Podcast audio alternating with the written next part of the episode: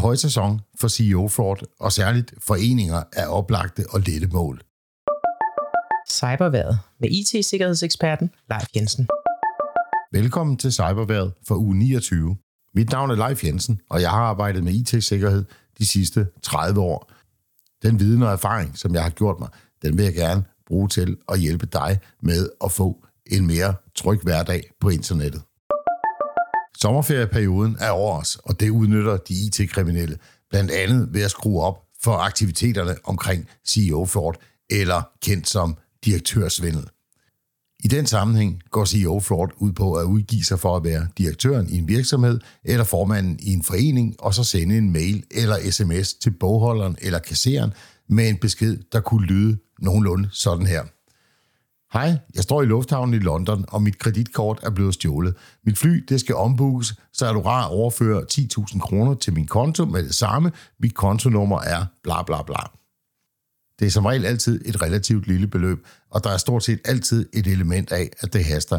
Og det er helt tilsigtet, for så er der meget lidt tid til at nå at tænke sig om. Der er desværre rigtig mange, som hopper i den fælde, og har man først været inde på netbanken og fået foretaget en overførsel, så har man også taget ansvaret, hvilket betyder, at man næppe får sine penge igen ved at melde det til politiet eller at tage kontakt til banken. Nu er spørgsmålet så, hvordan kan man beskytte sig mod den her form for svindel? Eftersom der ikke er et link, man skal trykke på i beskeden, jamen så har beskeden væsentligt lettere ved at slippe igennem spam- eller phishing-filter, så dit antivirus- eller sikkerhedsprogram, det er altså ikke til meget hjælp her. Så det, man kan gøre for at beskytte sig, det er, først og fremmest, så er det vigtigt at være opmærksom på, at den her slags svindel, den altså foregår. Dernæst, så bør man være forberedt på, at det kan ske, og så skal man have etableret en fornuftig procedure for at håndtere sådan en forespørgsel fra chefen, eller en, der udgiver sig for at være chefen. De to vigtigste ting, man kan gøre, det er nummer et. Modtager man sådan en besked, så ring til chefen og spørg, om det virkelig passer. Lad være med at svare tilbage på beskeden, for det svar går ikke nødvendigvis til chefen.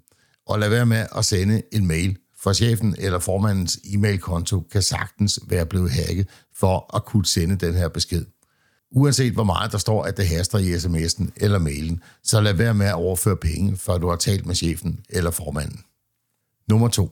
Uanset om der er tale om en virksomhed eller en forening, så er det altid en rigtig god idé at have et godkendelsessystem sat op i sin netbank, således at den samme person ikke både kan lægge en betaling ind og rent faktisk gennemføre den. Det anbefales i øvrigt også af de fleste revisorer som generelt god praksis. Hvordan kan det jo være, at særlige foreninger de er i søgelyset for CEO Ford? Jo, mange foreninger de har på deres hjemmeside skrevet både navn, telefonnummer og e-mail på hele bestyrelsen. Herunder selvfølgelig også både formand og kasser. Og så er det jo ret nemt at sende en mail eller sms til kasseren og udgive sig for at være formanden. Derudover så bruger mange foreninger oftest et forholdsvis simpelt mailsystem hos den samme hostingudbyder, hvor de har deres hjemmeside. Og de her mailsystemer, de er altså langt nemmere at hacke og dermed udgive sig for at være chefen, end de lidt mere professionelle mailsystemer, som man oftest har ude i virksomhederne. Hvis man allerede er kommet til at overføre pengene, så kan man for god ordens skyld godt prøve at rapportere det til banken og måske endda til politiet. Men vigtigst af alt er, at man lærer af det og får etableret en procedure, så det ikke kan ske igen. Det var cyberværet for denne gang. Vi høres ved i næste uge.